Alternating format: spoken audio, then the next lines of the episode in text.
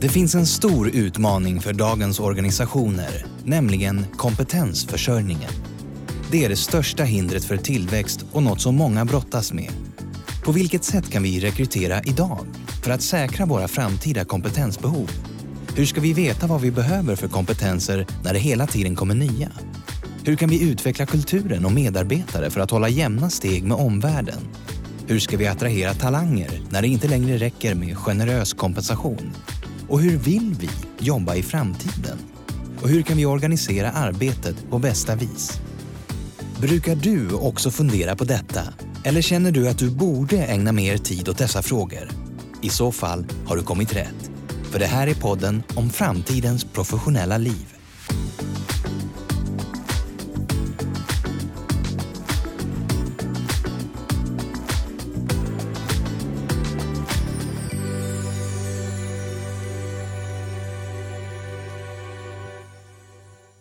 Framtidens professionella liv blev på grund av coronaviruset verklighet mycket snabbare än någon av oss kunnat ana. Och idag ska vi spela in en podd om just hur innovations och utvecklingsarbetet påverkats under den här perioden. Vi tar utgångspunkt i vår senaste undersökning, Nordic Executive Survey 2021, med tema att leda i och ur en kris som 350 nordiska ledare har svarat på. Och där har vi undersökt hur arbetslivet har påverkats av pandemin, hur nordiska organisationer har hanterat krisen och på vilket sätt har den påverkat ledarskapet, arbetssätt och organisationskulturen. I den här podden ska vi alltså bryta ut just innovations och utvecklingsarbetet och fokusera på hur pandemin kommer att påverka de nordiska organisationerna. Och vi som ska prata om det här idag är jag, Karin Etzell, Kristina Hammer, och Kristina Närman, Hammer och Hanborgs expertkonsult på just det här med innovation. Välkomna! Tack! Hej och tack! Men jag tycker vi börjar med att reda ut begreppen lite här, Kristina. För det här är ett tema som har engagerat dig långt innan coronapandemin.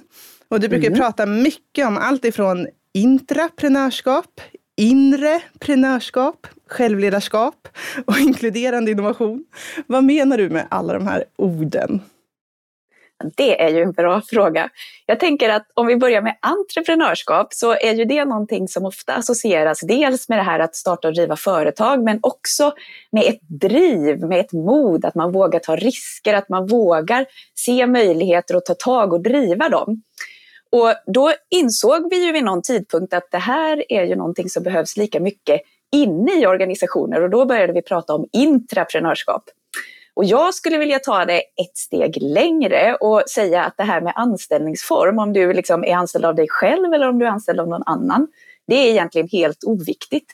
Därför att det här är ju förmågor som alla vi människor har. Alla vi människor har förmågan att vara kreativa, att se och skapa möjligheter. Alla vi människor är modiga på olika sätt och kan våga driva de här möjligheterna. Och därför så brukar jag istället prata då om just inreprenörskap för att visa på att det här är någonting som finns inom oss alla. Men ibland kan det behöva lite hjälp att lockas fram därför att vår kultur och de strukturer som vi framförallt kanske har haft i arbetslivet har inte alltid varit så gynnsamma för det här inre prenörskapet. Självledarskap då som begrepp, eh, det tror jag har lika många definitioner som det finns personer som pratar om självledarskap. Och min definition av självledarskap det är att bli den ledare du vill ha och behöver för dig själv. Det handlar alltså om att jag tar ansvar för och driver min egen utveckling och ser till att jag kan få utväxling för hela min potential. Och då brukar jag också säga att inreprenörskap, det är som ett självledarskap 2.0. Därför att om självledarskap handlar om att ta ansvar för den egna utvecklingen så finns det i inreprenörskap också ett mått av att ta ansvar för vår gemensamma utveckling. Att vi tillsammans hittar nya möjligheter för den verksamhet som vi jobbar i. Så. Mm. Och inkluderande innovation då till slut av alla dessa begrepp. Det tänker jag, det är ju målet. Alltså det är ju det vi ska ha det här inreprenörskapet till. Och inkluderande innovation, det handlar ju helt enkelt om ett innovations och utvecklingsarbete där alla i organisationen deltar. Och jag tror ju då liksom att ska vi hänga med och kunna liksom skapa en verksamhet för framtiden så är ju just det här med inkluderande innovation en lösning. Vi behöver allas idéer, vi behöver allas hjärnor, vi behöver allas hjärtan, vi behöver allas engagemang för att vi ska kunna hänga med i den snabba förändringstakten. Men alltså, är det här någonting verkligen som alla håller på med? Hur mycket måste man hålla på med det här? Eh, ja, min eh, erfarenhet är att det är väldigt många som håller med om att det här är viktigt och det är väldigt många som har det här någonstans på sin agenda och det är många som gör i viss utsträckning men absolut inte alla har kommit så långt än. Och när jag är ute och träffar organisationer eh, och pratar om det här så märks det också väldigt tydligt just det här att det finns liksom inte heller en sanning eller en one size fits all lösning utan mitt jobb handlar ju väldigt mycket också om att hjälpa organisationer att identifiera hur är det här för er? Var befinner ni er? Hur kan ni växla upp det här arbetet och sen designa eh, olika processer eller program för att jobba med självledarskap och entreprenörskap på individnivå och också skapa, vad heter det, jobba med att skapa strukturer och en kultur som är gynnsam för det här med inkluderande innovation. Och hur mycket man måste hålla på, ja men det beror ju såklart på vad man vill åstadkomma. Eh, men med dagens snabba förändringstakt så skulle jag ju verkligen rekommendera att man funderar på vad alternativet är. Eller hur? Kristina Hammer, hur mycket pratar man om det här 1994 när du och Åsa startade Hammer och Hanborg en gång? Alltså, ja, man pratar inte om det alls, men vi gjorde ju det här. Alltså, det var ju det enda vi höll på med, var någon slags inkluderande innovation. Även om vi var bara två personer så var det ju, alltså vi hade ju som ett, ett tomt papper egentligen. Så det var bara att börja göra utifrån det. Så att jag har ju alltid brunnit för det här och tycker att det här är en väldigt kul del av jobbet också. Eh, vi kommer säkert att komma in på det, men jag tänker också att det är någonting som alla medarbetare borde tycka är väldigt roligt att man, man, får vara med och utveckla verksamheten och att man blir lyssnad på, att ens idéer tas tillvara. Så tänker jag. Mm. Hur har ni gjort då för att behålla den här entreprenöriella känslan i nästan 30 år vi är en ganska stor organisation? Det är ju inte bara du och Åsa längre. Nej, det är det ju inte, men ehm, ja, det är väl någonting som vi hela tiden har pratat om och det har varit väldigt viktigt för oss liksom, som ägare att verkligen hela tiden bli bättre, eh, utveckla verksamheten. Det tror jag verkligen genomsyrar vår organisation. Och vi kommer ju komma in på det lite längre fram här, men också att det är en del av vårt, vi har ju det som, och hade också innan pandemin, det här som en del i, i allas arbetsuppgifter egentligen, att jobba med innovation varje vecka, ett antal timmar. Härligt. Ja, är ni redo att gå in och titta lite på resultaten av undersökningen? Absolut. Jajamän. Härligt. Och min favoritfråga i den här undersökningen är nog den allra första frågan. För resultatet där sammanfattar nästan hela den här perioden. Vi frågade nämligen, har din arbetsplats behövt anpassa arbetssätt, ledarskap eller arbetsplatsen i och med coronapandemin? Och 90 99 procent av ledarna svarade ja på den frågan. ja, men på sätt och vis så kan man ju kanske känna, alla vi som har varit med under den här historiska perioden tycker kanske att ja, men det är väl självklart. Men liksom, tänk er, 99 procent av alla arbetsplatser har genomgått genomgripande förändringar som påverkar förutsättningen för arbetet i grunden på samma gång. Tror ni att det här i första hand är fråga om tillfälliga lösningar eller att det kan röra sig om mer permanenta förändringar? Vad säger du, Kristina Närman? Ja, jag tycker mig se nu när samhället så smått öppnar upp igen att många personer tror jag ser detta som någon typ av mer permanenta förändringar medan många organisationer nu återigen verkar liksom komma med policies som att kontoren är vår huvudsakliga arbetsplats och sådär. Så att jag är lite rädd för att det kan finnas ett mått av att det här ändå var någon slags parentes i arbetslivet och, och att man ser det mer som tillfälliga lösningar och att vi nu då ska tillbaka till någonting som är som det var innan pandemin. Och Gör man så så tror jag att man tar ett litet felsteg i detta. Jag tror, verkligen slår ett slag för att vi ska tänka till och fundera vad av allt det vi har gjort annorlunda under pandemin har faktiskt varit gynnsamt. Både för oss som personer, för hur vi samarbetar tillsammans och för organisationernas utveckling. Mm. Vad säger du Kristina Hammer? Mm. Alltså, jag tror att många av oss, nu när vi spelar in det här så har ju precis eh, Sverige öppnat upp. Och många av oss tror nog att man vill ha, det är mycket som man ändå vill ha som vanligt. Det vill säga man vill umgås, man vill gå på restaurang, man vill gå, gå på konserter och man vill träffa folk. Så det tror jag, på så vis vill vi nog ha det som vanligt. Men eh, det är också så att forskning visar att det tar ungefär två månader för oss att etablera en ny vana. Alltså en ny vana tar den tiden. Och eh, då tror jag att vi har vant oss vid vissa saker som kommer bli jättesvårt för oss att eh, alltså, det kommer bli svårt för oss att gå tillbaka till som det var innan. Eh, så det är ju en motverkande faktor då. Så att jag är också inne på det här spåret att ta med sig de bra sakerna och lämna de dåliga sakerna bakom oss. Och jag tror att det är väldigt, väldigt dumt att tvinga människor tillbaka till kontoret på heltid igen. Mm, mm. Ja, men det känns ju som att det är svårt att gå tillbaka. Vi har ju med oss nya erfarenheter och, och med oss massa ny kunskap om hur vi faktiskt kan organisera vårt arbetsliv. Eh, så jag tänker att det är svårt att bortse från alla de erfarenheterna som vi besitter nu som kollektiv. Men vad eh, saknar ni? Finns det någonting som ni saknar från den här pre coronatiden? Det som var innan? Jag kan ju bara instämma i det som eh, Kristina sa här tidigare. Just Alltså det här umgänget, det sociala. Ja, men nu menar jag arbetsliv bara. Nu är jag bara inne på... Ja, men vet du, jag tänker att det är samma i arbetslivet. Alltså det fysiska mötet ja. fortfarande tror jag är en sån sak som många med mig mm. har saknat under den här pandemin. Och just om man tittar på de delarna som jag jobbar med som mycket handlar om att vi ska kunna vara kreativa tillsammans, vi ska kunna hitta hitta nya lösningar. Och så här, kreativitet, den kreativa processen är ju ganska så sårbar och den kan vara relativt svår att genomföra liksom, över skärm. Så det kan jag verkligen sakna, det här att få samlas i ett rum, få liksom plocka fram den där kreativa kraften inom oss alla och hitta de där lösningarna som verkligen kan göra skillnad för våra verksamheter. Mm. Ja, absolut. Kristina Hammer, saknar du någonting? Mer än det sociala då liksom. Alltså du tänker sakna någonting som det var innan? Ja. ja men alltså jag tror att det här, det är ju kanske inte enbart kopplat till jobbet, men det är väldigt svårt för oss människor, eller åtminstone varit svårt för mig, det här att undvika andra personer. Alltså det känns som att det går emot ens hela väsen på något vis.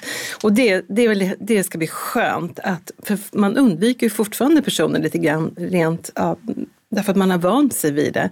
Men det tycker jag ska bli skönt att få tvätta bort faktiskt, mm. att undvika andra. Så allt som är kopplat till att träffas, umgås, vara i en grupp tycker jag ska bli härligt mm. att få göra igen. Mm. Det är kanske vissa av oss eh, som ibland kan sakna det här lugnet som var innan corona, där det inte var 99 procent av organisationerna som förändrade precis allt upp och ner hela tiden fram och tillbaka. Eh, vad tror ni där då? Eh, tror ni att utvecklingstakten kommer liksom att avta nu när vi går in i det här nya normala efter den här perioden? Eh, eller kommer den här förändringstakten hålla i sig? Har vi fått upp ångan nu? Är det det här som är det nya normala? Att allt är uppe i luften och vi anpassar oss snabbt till nya förutsättningar. Jag tror att du har en poäng Karin i det du säger där just om att det finns en viss utvecklingströtthet. Liksom. Alltså det har varit så himla många saker som har behövt förändras på kort tid, både på jobbet men också privat. Ju det här att vi har tvingats hålla avstånd på ett annat sätt. Liksom, och alla möten till exempel blev digitala och så. Så jag tror att vi initialt kan se en viss tillbakagång i utvecklingstakten men jag hoppas att vi på sikt också, att den här pandemin har ju verkligen liksom skapat en förståelse också i organisationerna att det går att förändras, att alla organisationer kan förändras och det kan gå jädrigt snabbt. Och det hoppas jag är någonting som vi verkligen kan ta med oss ut ur den här pandemin, men kanske att vi då har en annan drivkraft än just kris för att skapa den här utvecklingen och förändringen. ja, precis. Mm. Jag tror också det här med att man, det jag tror att många har upptäckt att det här med förändring inte är så farligt. Så att jag tror att man ser att ja, men det gick ju, det är lite grann som du var inne på här Kristina, att det gick att, att göra så stora förändringar på så kort tid när man faktiskt måste. Så att jag tror att det finns också en trygghet i det här med förändring. Jag är ju väldigt, gillar ju förändring väldigt mycket. Så att eh, eh jag tänker att kan man kom, kombinera förändring med någon slags trygghet så skulle det vara helt fantastiskt. Jag skulle nästan vilja säga, om jag bara får fylla ja. i där, så jag håller verkligen eh, med om det här. Jag brukar till och med säga att vi ska försöka sätta likhetstecken mellan förändring och trygghet. Ja, Därför ja. att när vi lever i den omvärld som vi gör idag, där allting förändras, så behöver vi liksom hitta lugnet och kunna landa i att det är den där konstanta förändringen som faktiskt skapar trygghet. Ah. Ja, men det är ett bra tankesätt. Mm, jag håller verkligen med om det, för, för att in, alltså det farliga är ju att inte förändras. För, för att man kan ju vara säker på att när man inte förändras själv så kommer det pågå mycket förändringar i ens omvärld. Exakt, och vi vill fortsätta vara relevanta. Bara, får jag fylla i en sak till? För det finns ju så mycket som är spännande nu när vi på något sätt liksom delvis går tillbaka kanske till våra arbetsplatser och samhället öppnar upp igen och så. Och en sak som jag tycker ska bli väldigt spännande att se det är ju att min övertygelse är att kulturen i väldigt många organisationer på ett eller annat sätt har påverkats av de här ett och ett halvt året som vi ändå liksom har tillbringat isär på, på olika sätt. Och det tänker jag också blir en väldigt spännande process för organisationer att ta hand om. Det behöver ju inte nödvändigtvis vara negativa förändringar av kulturen, men att det har skett förändringar, det vågar jag nästan lova. Eh, och det tycker jag också ska bli otroligt spännande att följa, hur vi tar om hand det och om det kanske också har då kommit in element av just det här med förändring och utveckling, innovation i kulturen när vi har tvingats göra den typen av omställning som vi har gjort. Mm, härligt. Och det är kanske inte är så svårt att förstå att många behövde anpassa sig till den nya situationen och att det därför blev ett väldigt enhälligt svar här på undersökningens första fråga. Alltså eh, den om, om man behövt göra förändringar för att anpassa arbetssätt, ledarskap och arbetsplatsen. Men något som är nästan ännu mer spännande i den här undersökningen, det är att många ledare även passat på att genomföra varaktiga förändringar som hade varit svåra att få igenom innan krisen. Det är nämligen 61 procent av ledarna som menar att de har gjort det. Så kan man säga att den här krisen alltså har varit positiv för organisationers innovations och utvecklingsarbete? Kan man tolka det här så att man har lyckats med saker som hade varit svåra tidigare? Vad tror du, Kristina Hammer? Ehm, ja, det tror jag nog för organisationer så tror jag det och jag tänker också att man då har passat på lite grann att göra saker som, som hade varit svårt innan. Du menar liksom att det här hade kanske skett ändå fast Ja, det tror jag. Mm. Men jag tror att det hade inte skett lika snabbt. Det här har ju varit liksom en, en uppspidad process. Mm. Um. Mm. Vad tror du Kristina Närman? Ja, men tittar man på, så här, det finns en väldigt vedertagen teori om förändring och innovation och utveckling så att det finns egentligen två primära drivkrafter. Antingen så är det kris, det brukar kallas för the burning platform, eller så är det det här att man har en väldigt inspirerande vision, the golden vision. Och här har vi ju verkligen utsatts för the burning platform. Liksom det var ju förändra eller så finns inte verksamheten längre i vissa fall eh, till och med. Så att, att det har varit en drivkraft för innovation och utveckling definitivt och att man har kunnat göra förändringar som man tidigare inte har kunnat genomföra därför att alla har på något sätt också liksom blivit medvetna om att vi behöver göra den här förändringen annars går det inte. Så, och det tror jag definitivt har eh, funnits som element under pandemin och också är någonting som kanske har varit positivt just för att få igång den här förändringstakten i organisationen eller kunna genomföra förändringar som man har funderat länge på eh, men där det kanske inte har varit tillfälle tidigare. Mm. Mm. Men det är ganska spännande att tänka på att många nordiska organisationer har vetat de har haft ett recept på att det här behöver vi göra för att fortsätta vara relevanta eller för att finnas kvar överhuvudtaget. Eh, men att man inte har känt att man har haft möjlighet att genomföra det förrän då en global pandemi drabbar, då är det helt plötsligt fritt fram att mm. köra på. Jag tänker någonting som vi kanske inte har pratat om det här, det är att man ser i den här undersökningen att det är ju väldigt ol, alltså olika individer har ju reagerat väldigt olika på det här. Vissa har ju tagit snabba kliv framåt medan andra har inte hängt med i samma utsträckning. Eh, så att vissa är ju mer skeptiska till förändring givetvis och behöver mer tid och det här tror jag är någonting vi måste verkligen förhålla oss till att eh, individer är olika och vi måste hantera dem på olika sätt. Mm. Men tror du att de har fått stå tillbaka, de här som har varit mer skeptiska under den här perioden då? Att, eh... Ja, det är möjligt att det har varit så faktiskt. Mm. Mm. Och när man tittar lite på vad de här respondenterna anger att de har förändrat så är det allt ifrån stora saker som att man har utvecklat den digitala försäljningen men till också ganska till synes enkla saker som till exempel att man har infört nya mötesformer såsom då till exempel walk and talks är det många som tar upp. Och behövdes det alltså en pandemi för att införa promenadmöten i nordiska organisationer? Vad säger det? Liksom, vad tänker ni om det? Ja, jag tror ju att svaret är ja på den frågan. Alltså, så här, vi ska ju inte underskatta den här vanans kraft.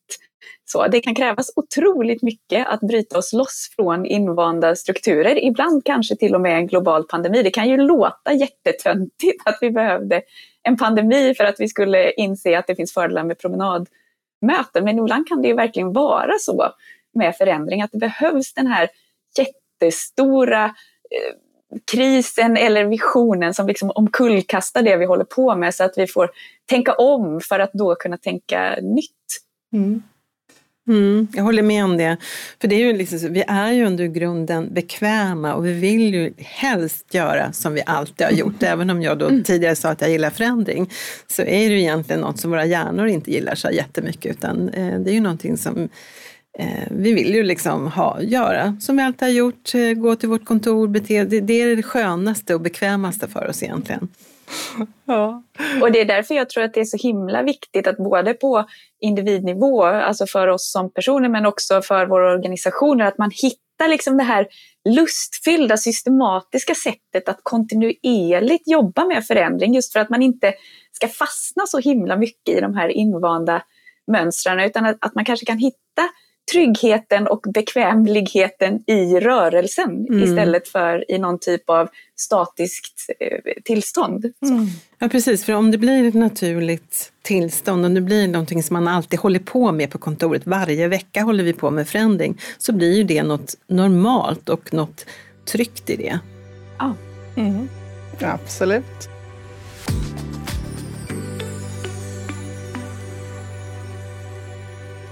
Samtidigt som många har lyckats genomföra då förändringar som har varit svåra att få till tidigare, så visar också undersökningen att det har varit ganska svårt att engagera medarbetare i utvecklingsarbetet under den här perioden.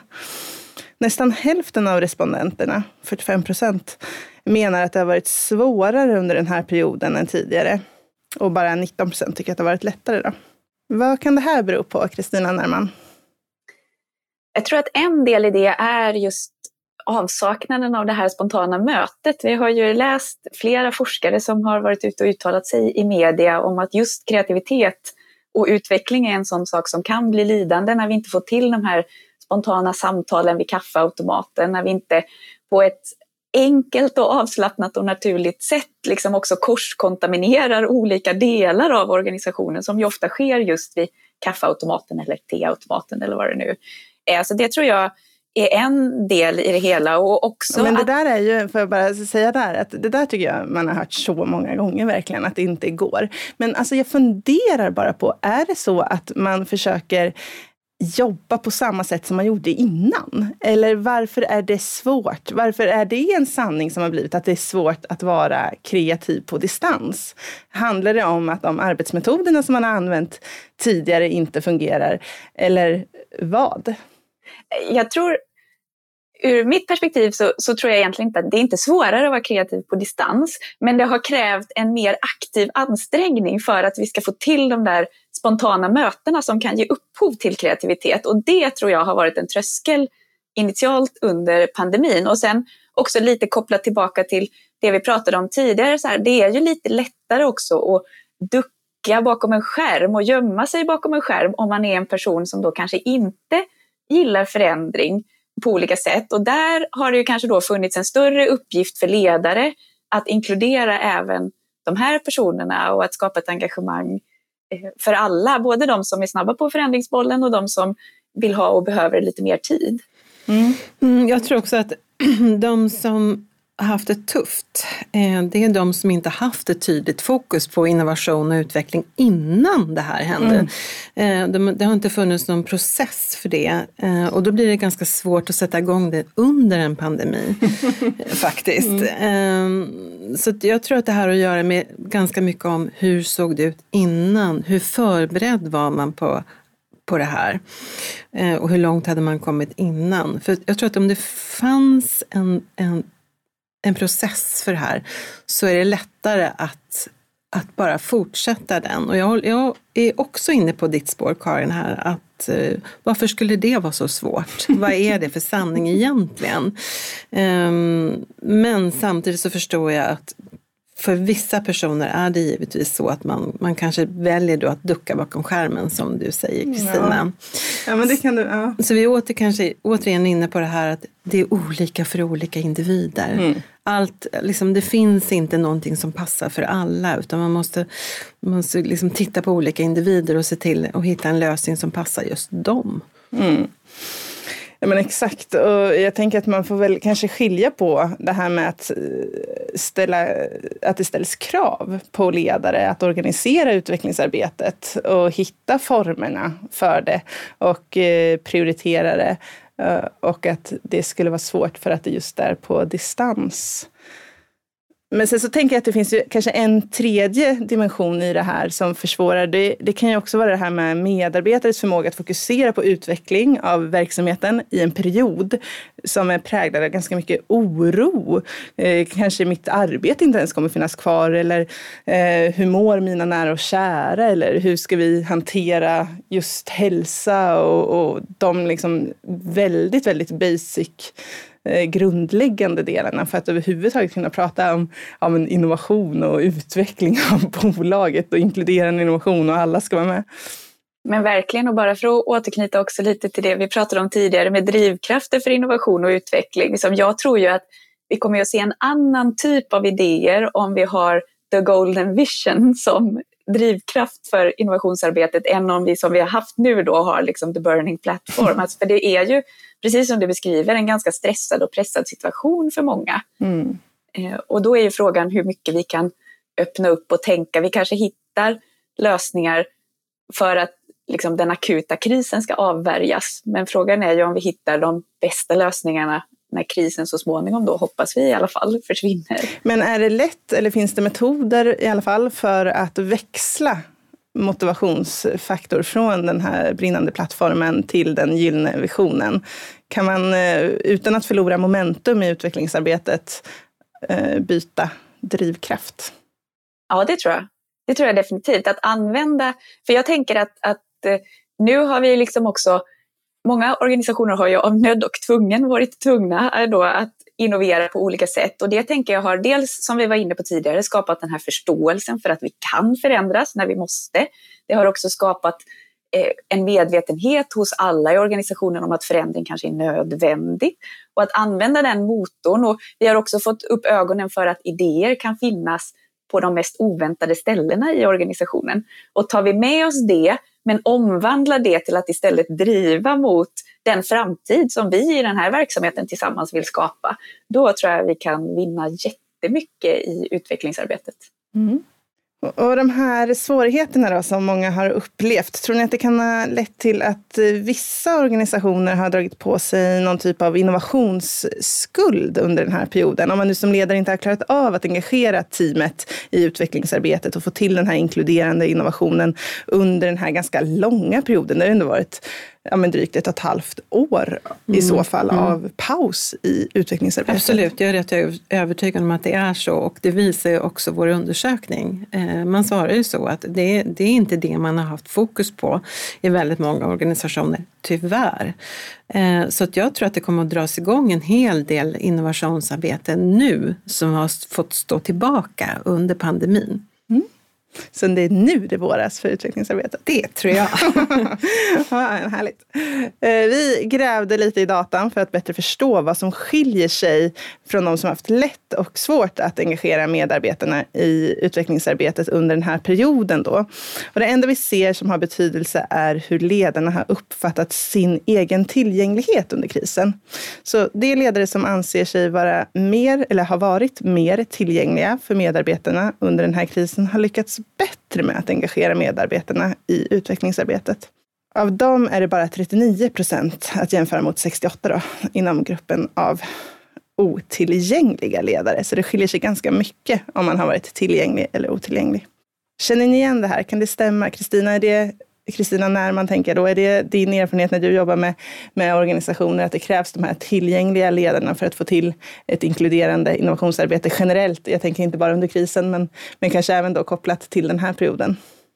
Jag tänker att det är oerhört viktigt eh, i början när man liksom initierar eh, den här processen. Så i de fall som jag tänker att man då inte kanske har haft det här arbetssättet på plats före pandemin så har säkert ledarens tillgänglighet varit helt avgörande under pandemin eh, också. Och när vi hamnade, liksom, många av oss då på hemmakontoret framför varsin skärm, då har ju ledarens förmåga att bjuda in till innovation och utveckling varit avgörande. För det är ju lätt att bli passiv och gömma sig lite grann bakom skärmen om man inte är intresserad eller inte vet om kanske att man är intresserad av de här eh, frågorna. Så därför tror jag att i organisationer som då inte hade en kultur av inkluderande innovation innan pandemin så har nog ledarens tillgänglighet varit helt avgörande. Så.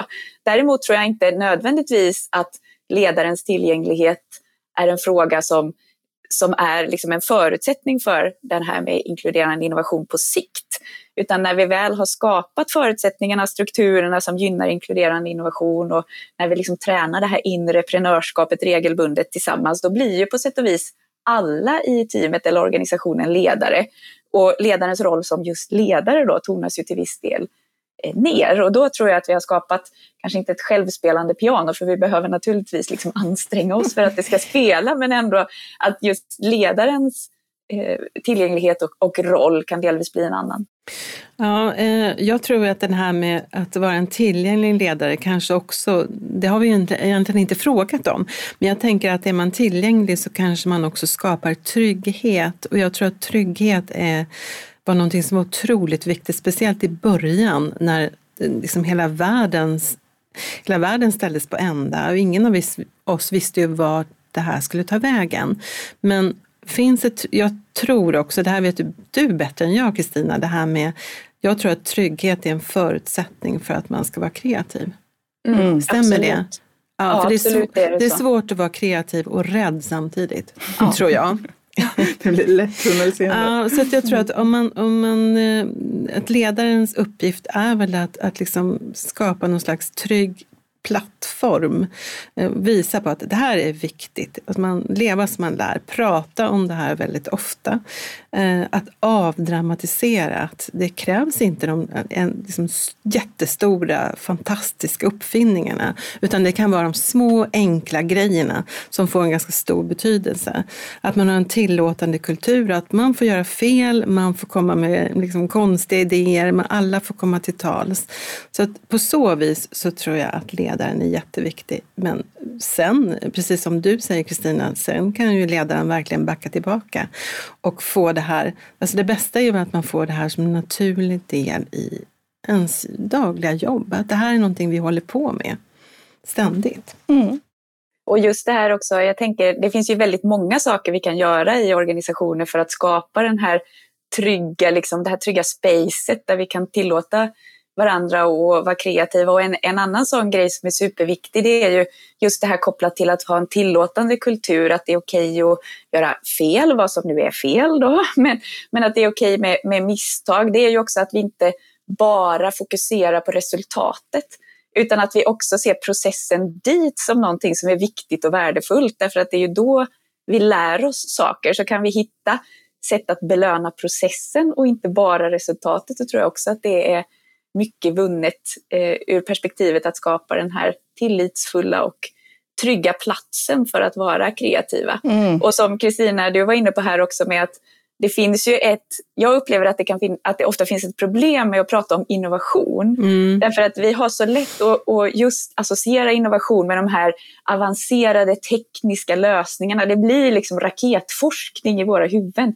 Och jag är helt inne på ditt spår att väldigt ofta är det ju de små, till synes liksom helt triviala sakerna som kan skapa jättestor skillnad i mm. organisationen. Och att det är de som också på sikt kanske leder till de här stora disruptiva genombrotten. Ja. Men härligt, bra. Då har vi faktiskt fått två väldigt konkreta tips här. Sänk trösklarna och sikta liksom inte bara på stjärnorna utan eh, liksom de mindre grejerna är väldigt värdefulla också. Och sen så också det här med belöna processen. Att eh, det är kanske ibland vägen som är målet. Eh, det tycker jag låter som en toppenbra not att avsluta på för idag. Missa inte våra andra poddar där vi bara ner oss i något annat hörn av framtidens professionella liv och inte minst vår senaste undersökning Nordic Executive Survey 2021, att leda i och ur en kris. Och såklart, känner du att ni är en av organisationerna som sitter på en innovationsskuld just nu och tror att lösningen kan vara att jobba mer inkluderande med innovation, så tveka inte då att kontakta oss. Så kommer Kristina Närman och gör inspirations och metodmirakel med just det team. Det vågar vi väl lova? Jag lovar i alla fall att jag ska göra mitt allra bästa. ja, men underbart. Stort tack för idag. Tack. Hej. Hej. Om du vill veta mer om hur vi kommer lösa utmaningarna med kompetensförsörjning, se till att följa hashtag framtidens professionella liv och att Hammer och Hamborg i sociala medier. På hammerhamborg.se hittar du den senaste versionen av vår bok Framtidens professionella liv 6.0 med resultaten från vår senaste undersökning Nordic Executive Survey 2021 Att leda i och ur en kris. Boken bygger på tio perspektiv på hur man får till en hållbar kompetensförsörjning och är fylld med kommentarer från forskare, experter och företagsledare. Du kan kostnadsfritt ta del av den via vår hemsida.